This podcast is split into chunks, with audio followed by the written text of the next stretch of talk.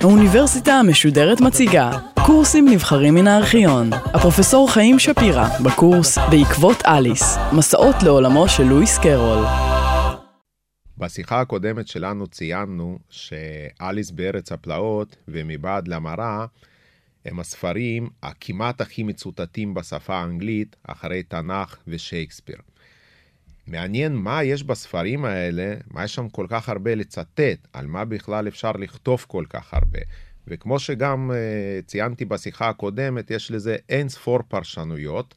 והיום אני ארצה אולי לדבר קצת מה אני חושב על הספרים האלה, למה כבר uh, כמעט 150 שנה שהם זוכים להצלחה כל כך היסטרית, מודפסים כל הזמן במיליוני עותקים. מה קורה שם? אני חושב אחת הסיבות להצלחת הספר היא ההומור, ההומור שנמצא שם. הספר הוא נורא מצחיק, אבל אם במקום לדבר אני הייתי כותב עכשיו, אז הייתי כותב את המילים נורא מצחיק במרכאות. כי לא כל הדברים שנמצאים שם זה מצחיק את כולם, מכמה סיבות. יכלה להיות הסיבה שאתה פשוט לא מבין את הבדיחות שיש שם.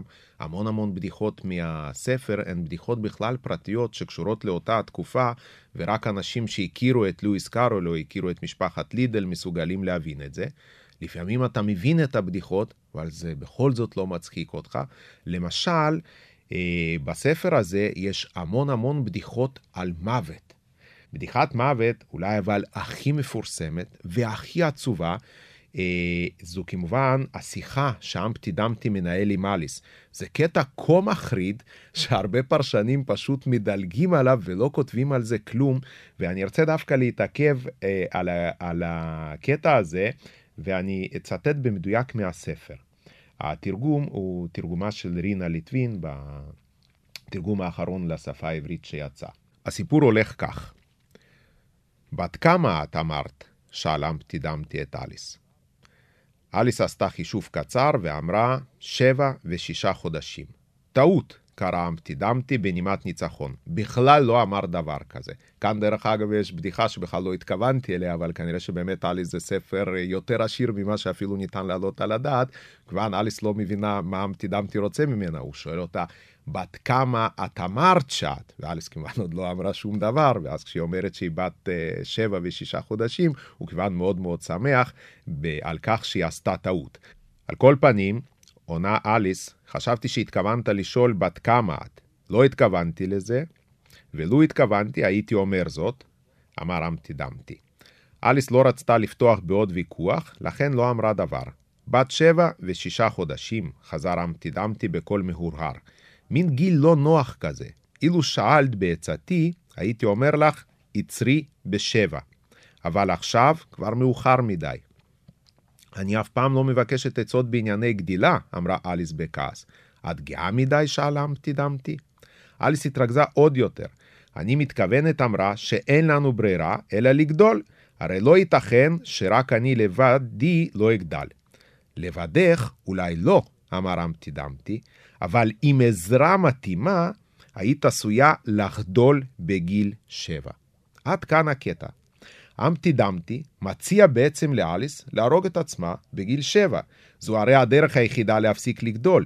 ומשום שקשה לילדה בת שבע לעשות זאת לבד, והיא בדרך כלל גם לא תחשוב על כך בעצמה, היא נזקקת כמובן לעזרה מתאימה. ומי אם לא אמפטי דמפטי מתנדב להגיש לה אותה. תודה לאל שאליס כבר עברה את גיל שבע. אני באמת לא יכול לתאר לעצמי איך בדיוק מגיב ילד כשהוא קורא את זה. אני מקווה שהוא לא מבין בכלל על מה הקטע הזה, כי אם הוא מבין זה פשוט קטע מחריד. ואין פלא שישנם כל כך הרבה ילדים שהספר הזה לא רק שלא עושה להם טוב, אלא ממש מפחיד אותם. חשוב גם לזכור שכאשר אנחנו מדברים על הומור, זה בדרך כלל דברים עצובים. זו לא תובנה שלי. גוגול אמר פעם שכל סיפור מצחיק זה רק עניין של כמה פעמים אתה קורא אותו. אם אתה קורא אותו מספיק הרבה פעמים, אתה תראה עד כמה הסיפור הזה הוא עצוב. מרק טוויין גם כן חשב שבגן עדן אין שום סיכוי שיהיה הומור, וגם אצל לואיס קארול, כשיש דברים מצחיקים בספר שלו, הרבה פעמים אתה קורא את זה עוד פעם וזה מצחיק אותך פחות, ואולי בפעם השלישית זה באמת הופך להיות עצוב לגמרי. למשל, יש uh, הרבה פעמים שלואיס קארול משנה כל מיני שירים מהתקופה הוויקטוריאנית. אחד השירים שהוא משנה זה שיר שבמקור הולך כך, דברי בנועם אל ילדך ואז אותך יואב וכל מיני דברים נפלאים כאלה. מתוך גרונה של אליס בוקע אותו שיר, אך בשינוי מילים. כן, בשינוי מילים, אם לדבר בשפתו של קרול, אולי לא כל כך שינוי מילים, אלא לא נכון מההתחלה עד הסוף. בכל פנים, אצל אליס השיר הזה נשמע כך: גטפי בזעם את ילדך על כל יתוש סנוקרת, ומכוון את זה נגדך, אין כל סיבה אחרת.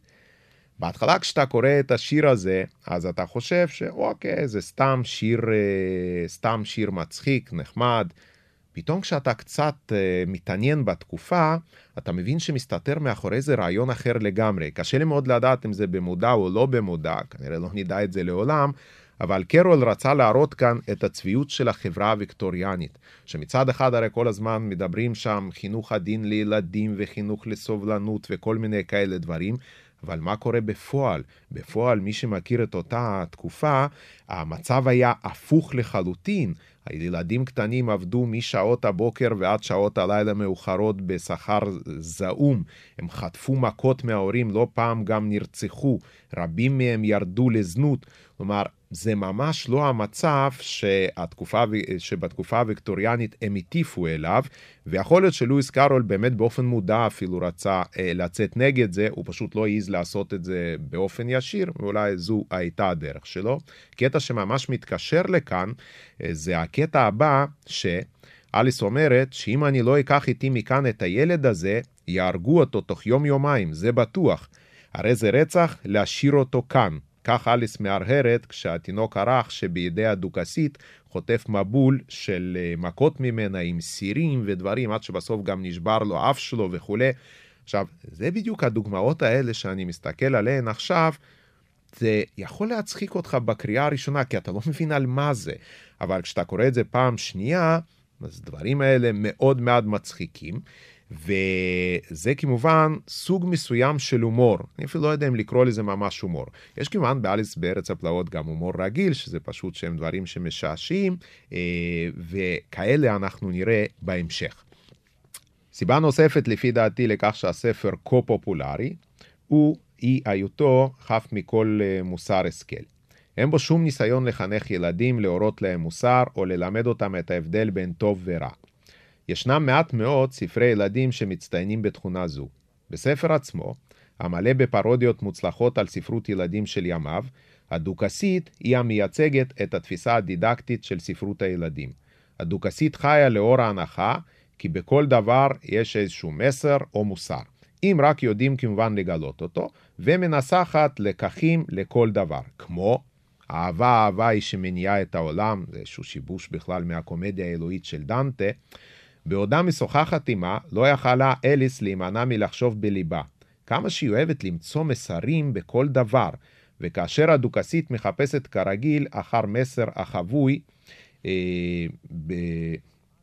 של מחשבותיה, זו אליס שמעיזה להעיר לה שאין שום מוסר, ולא חייב להיות, לא בכל דבר צריך להיות מסר או מוסר, ואם לא די בכך שהספר חף מלקחים דידקטיים, גם קשה למצוא בו אפילו דמות חיובית אחת, להוציא אולי את הפרש הלבן מתוך מבעד המרה. מכל הדמויות שאליס פוגשת בשתי ההרפתקאות, החלום שלה, נראה שרק הוא מחבב אותה באמת ומציע לה עזרה מיוחדת. הוא היחיד כמעט המדבר אליה בכבוד ובנימוס, ומסופר לנו שאליס זכרה אותו יותר מכל הדמויות האחרות שפגשה מאחורי המראה.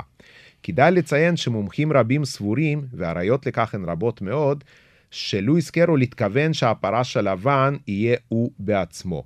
אף אחת מן הדמויות האחרות שאליס פוגשת לא מתייחסת אליה בצורה נחמדה. כולן מרושעות במידה זו או אחרת, אם כי לרוב הרשות הזו היא בצורה חביבה.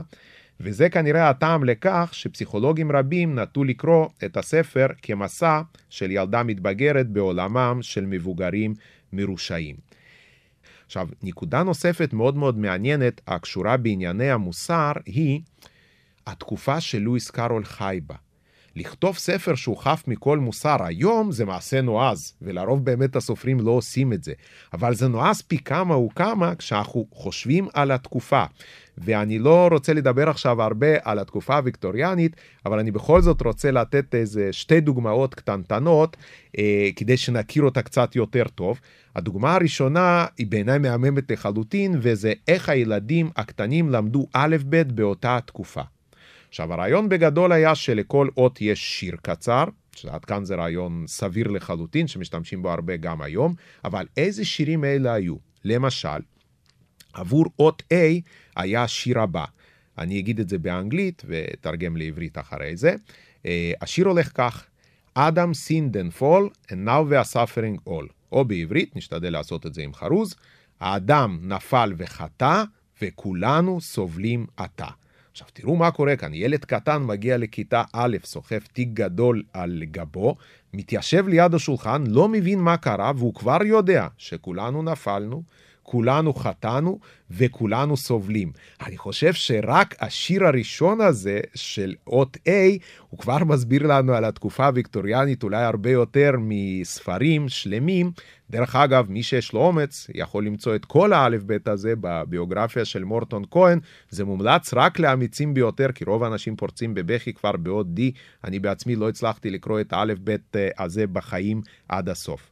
הדוגמה השנייה שאני רוצה לתת זה ספרה של אה, מרי שרוורד, משפחת פיירצ'יילד, שהיה מאוד מאוד פופולרי במאה ה-19 והודפס גם כן במאה ה-20, שבכל פרק של הספר הזה יש איזשהו מוזכר, אה, מוסר השכל אחר, וכל הזמן נענשים ילדי המשפחה על ידי ההורים שלהם, על איזה שהם חטאים וחולשות שרק הם יודעים על מה זה.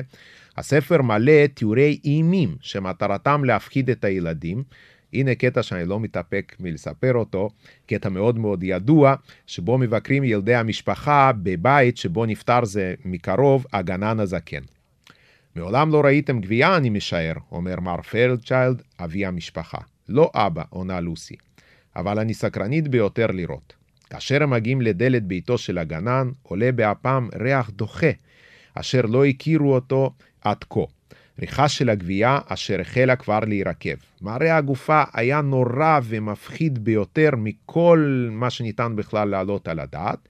לבסוף אומר מר פיירצ'אד, בטח גם כולנו טועים, מה, מה הסיפור הזה רוצה להגיד? מה בכלל, אם לדבר כמו הדוכסית, מה מוסר ההשכל? על מה זה בכלל? בסוף אומר מר פיירצ'אד, זהו, זהו העונש שהגוף הזה מקבל בגלל החטאים של הבשר. זכרו את המראות האלה, הילדים, הוא אומר להם. תתפללו לאלוהים שיציל אתכם בפני החטא, כי מי שיחטא, זה יהיה סופו. מה הספרים האלה בכלל רצו להגיד לילדים? שהספרי אימה שקוראים היום ילדינו, אני יודע מה, סיפורי צמרמורת או סטפן קינג, זה ממש משחק ילדים לעומת הפחדים הגדולים שיש בספרים האלה של התקופה הוויקטוריאנית. זה כל הזמן רצו להגיד להם זה חטא וזה חולשה וזה לא טוב וזה אסור. זה פשוט תקופה איומה ונוראית. ובתקופה הזו, לואיס קארול כותב לנו ספר שהוא חף מכל מוסר, דבר נפלא. כמובן, כשאני אומר את הסיבות שלפי דעתי עושות את הספר למשהו, אז ברור שאני לוקח על עצמי בכלל אה, מטלה שהיא בלתי אפשרית. וכמובן, דבר אחרון שאני בכלל מתכוון לעשות עכשיו, זה להמציא איזשהו מרשם איך כותבים ספר ילדים, שהוא ספר ילדים פשוט נפלא, כאילו זה היה אפשרי, אני הייתי עושה את זה ועוד אנשים רבים היו עושים, אלא סך הכל אני פשוט מעלה מספר נקודות שנראות לי כחשובות. אולי הנקודה שהיא יותר חשובה אפילו משתי הנקודות שאמרתי קודם, זה הכבוד הרב שלואיס קארול רוכש לילדים. הוא חשב שילדים הם יצורים מאוד מאוד חכמים, הרבה הרבה יותר חכמים מהמבוגרים, ושהבית ספר וכל מה שעובר איתנו בחיים זה לא מחכים אותנו אלא די להפך. ומה לואיס קארול עושה? אה, הוא, כשהוא כותב את הספר, יש שם המון משחקי מילים וחידות וכל מיני דברים נסתרים שאנחנו לא רואים את זה בקריאה הראשונה, רואים אחרי זה. אני אתן מחוסר זמן רק דוגמה אחת. והדוגמה שאני רוצה לדבר עליה זה הדוגמה שאחרי שאליס בוכה הרבה בזמן שהייתה ענקית, היא מצליחה להרטיב את כל היצורים סביבה, והם לא יודעים עכשיו איך להתייבש. מגיעה עכברה, והיא מציעה רעיון פנטסטי. היא אומרת, אני אספר לכם סיפור כל כך יבש, שכולכם תתייבשו מזה. כל ילד יכול להבין שמסיפור יבש לא מתייבשים, אבל לא זו הנקודה. הקטע ממשיך כך. אומרת העכברה, יש לי, וכאן שימו לב, אני חייב להגיד את זה באנגלית, אה, כי לא ניתן לתרגם את זה, לפחות לפי דעתי, לשום שפה. אה, אומרת העכברה, יש לי a long said tale. כלומר, העכברה מתכוונת להגיד שיש לה סיפור ארוך ועצוב.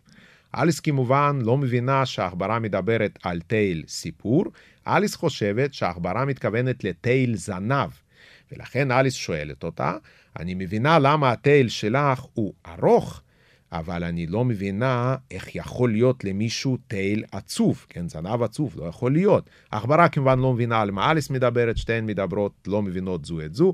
בסוף לואיס קארול עושה פשרה נפלאה.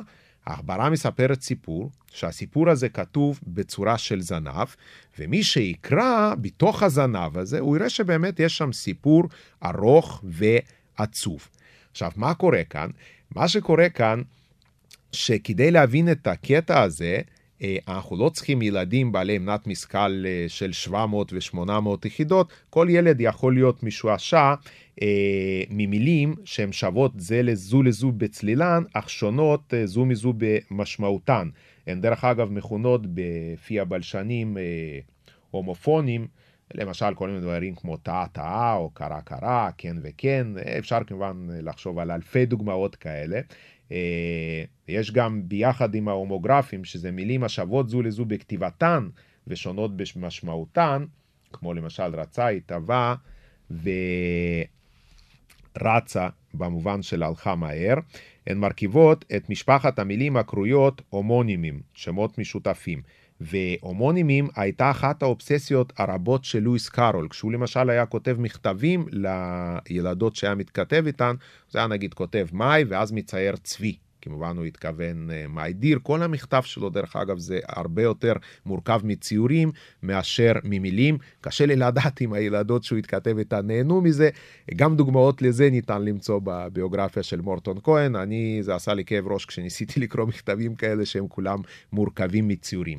אבל כאן, בקטע הזה אנחנו בכלל עולים על סוגיה בעיניי מרתקת, איך מתרגמים את אליס. הרי את הנקודה הזו שהעכברה אומרת שיש לה סיפור ארוך ועצוב, ומה לעשות שבעברית המילים זנב והסיפור לא נשמעות אותו דבר, איך בכלל ניתן לתרגם את זה לעברית? אחת הדרכים כמובן היא אה, כוכבית. כוכבית זה דבר שהוא מציל אותנו בכל רגע של מצוקה, ואז זה כמובן נשמע מאוד מאוד פשוט. אמרה העכברה, יש לי סיפור ארוך ועצוב, שאלה אותה אליס, למה הזנב שלך עצוב? אני דרך אגב פתאום חושב על זה, הייתי משאיר את זה כך, זה בכלל לא רע, זה סוג של הומור אנגלי במיטבו. אחת אומרת שיש לה אה, סיפור ארוך ועצוב, השנייה שואלת למה הזנב שלה הוא עצוב, אבל מה שעושים כמובן לרוב זה שמים כוכבית, ולמטה בדף כתוב שבשפה העברית המילים אה, סיפור וזנב אה, לא נשמעות אותו דבר, אבל באנגלית הן נשמעות אותו דבר. זה כמובן לא פיל בחנות חרסינה, אלא הייתי אומר זה גדוד טנקים נכנס לחנות חרסינה והורס אותה בזה הרגע, כי כמובן כל הכיף הלך, זה לא עובד כך. אפשר כמובן לתרגם את זה אחרת, לנסות להמציא איזושהי הגבלה בעברית. אני אתן לכם למשל דוגמה שמופיעה באמת בתרגום האחרון לעברית, שבתרגום חופשי זה הולך משהו כזה, שאומרת העכברה, מאחוריי עבר ארוך ועצוב, ושואלת אותה אליס, למה האיבר שלך הוא עצוב? כשיצא לי כמה פעמים להרצות על זה בפני ילדים, זה תמיד נורא הצחיק אותם, כי הם שמו לב לקונוטציות המיניות שיש בתרגום הזה, תמיד משעשע אותם, אם הוא ארוך, אין שום סיבה שהוא יהיה עצוב, ומה בכלל קורה כאן. אה, מה שאנחנו רואים, לא זה לא טוב ולא זה לא טוב, ומה בכלל, איך מתרגמים את אליס. ואמר ולדימיר נבוקוב, שדרך אגב גם הוא תרגם את אליס, הוא תרגם את זה בדרך מאוד מיוחדת, שאני רוצה להגיד על זה שתי מילים. קודם כל הוא אמר שאליס זה לא שם שנשמע יפה ברוסית, ולא פלא גם בעברית הרבה פעמים אוהבים לקרוא לה עליזה בארץ הפלאות וכל מיני דברים נפלאים. יש אפילו תרגום שמסיבת התה המטורפת מעורבים שם סופגניות ונרות חנוכה וכך הלאה. אה, והוא אומר, אליס זה לא שם טוב, נקרא לה אניה. הוא אומר גם בכלל כל יתר השמות הם לא כל כך טובים, נשנה את זה לרוסית. גם השירים באנגלית זה לא אומר שום דבר, וכאן נבוקוב פשוט עושה בעיניי דברים מאוד מאוד יפים מבחינת שירה, הוא פשוט לוקח שירים ידועים של פושקין ולרמונטוב, במקום השירים שלואיס קארול משתמש, וכותב עליהם פרודיות אה, חופשיות. אה, כרוח הטובה הנחה עליו. חשוב לזכור שנבוקוב עשה את זה כשהוא היה צעיר, הוא גם לא עשה את זה תחת שם של נבוקוב אלא סירין, כי הוא הבין שעושה דברים שהם אסורים. יצא לו תרגום, שמי שרוצה לקרוא לזה תרגום יכול לקרוא לזה תרגום, אבל זה לא, לא ברור אם השם הזה הוא באמת ראוי. בקונקרן נבוקוב המבוגר יותר, אמר שאת אליס אי אפשר לתרגם. ולמה את אליס אי אפשר לתרגם? כי הגיבור הראשי של הספר, וכאן אני מסכים איתו לחלוטין, זה לא אליס, זה בטח לא אף אחת מהדמויות האחרות, אלא זו פשוט השפה האנגלית. ולכן לתרגם את אליס זה כמו לתרגם את אנה קרנינה כאשר חל עליך איסור מוחלט להזכיר את השם אנה קרנינה. וברור שהמשימה שה... היא הופכת להיות uh, לבלתי אפשרית. הנקודה הרביעית אה, שאני רוצה לציין אותה כסיבות להצלחת הספר, כמובן כל זה בערבון מאוד מאוד מוגבל ואני גם מחליף את הסיבות אה, מהיום למחר. שוב פעם אנחנו חוזרים לעניין ספר החול, כן ביום אחר, גם את הסיבות להצלחת הספר אני רואה אותן אחרות. אבל אה, אחד הדברים שאני, אחד הדברים שאני הכי אוהב בתוך הספר זה שאפשר בכלל לא לקרוא אותו כספר ילדים. אפשר לקרוא אותו כספר למבוגרים לחלוטין, אפילו הייתי אומר ספר למבוגרים שיש להם איזשהו עניין במדע, פסיכולוגיה או פילוסופיה. ואז, כשאתה קורא את הספר ואתה מתחיל לקרוא בין השורות, אתה יכול למצוא שם כל מה שאתה רוצה. כמעט כל דבר עלי האדמות, וזה כמובן תלוי בקורא. ואנחנו חוזרים לרעיון שספר הוא מראה. עכשיו, מה שאני אנסה לעשות בשיחות שיבואו, זה להתחלק איתכם איזה דברים אני רואה כשאני קורא את הספר. הדברים שאני רואה הם משתנים מיום ליום, וזה יהיה באמת מאוד מאוד תלוי ביום שאנחנו נקליט את זה, אבל אה, אני לא כל כך טרוד לרוב בסוגיה האם לואיס קארול התכוון בדיוק לזה כשהוא כתב את זה, או אולי לא. זה נראה לי פחות חשוב, כי אני חושב שבאמת ברוח של הספר יותר חשוב להשתעשע ממנו, ללמוד אה, אה, דברים, ובכלל הקריטריון החשוב ביותר, אני חושב, הוא שזה יהיה מעניין.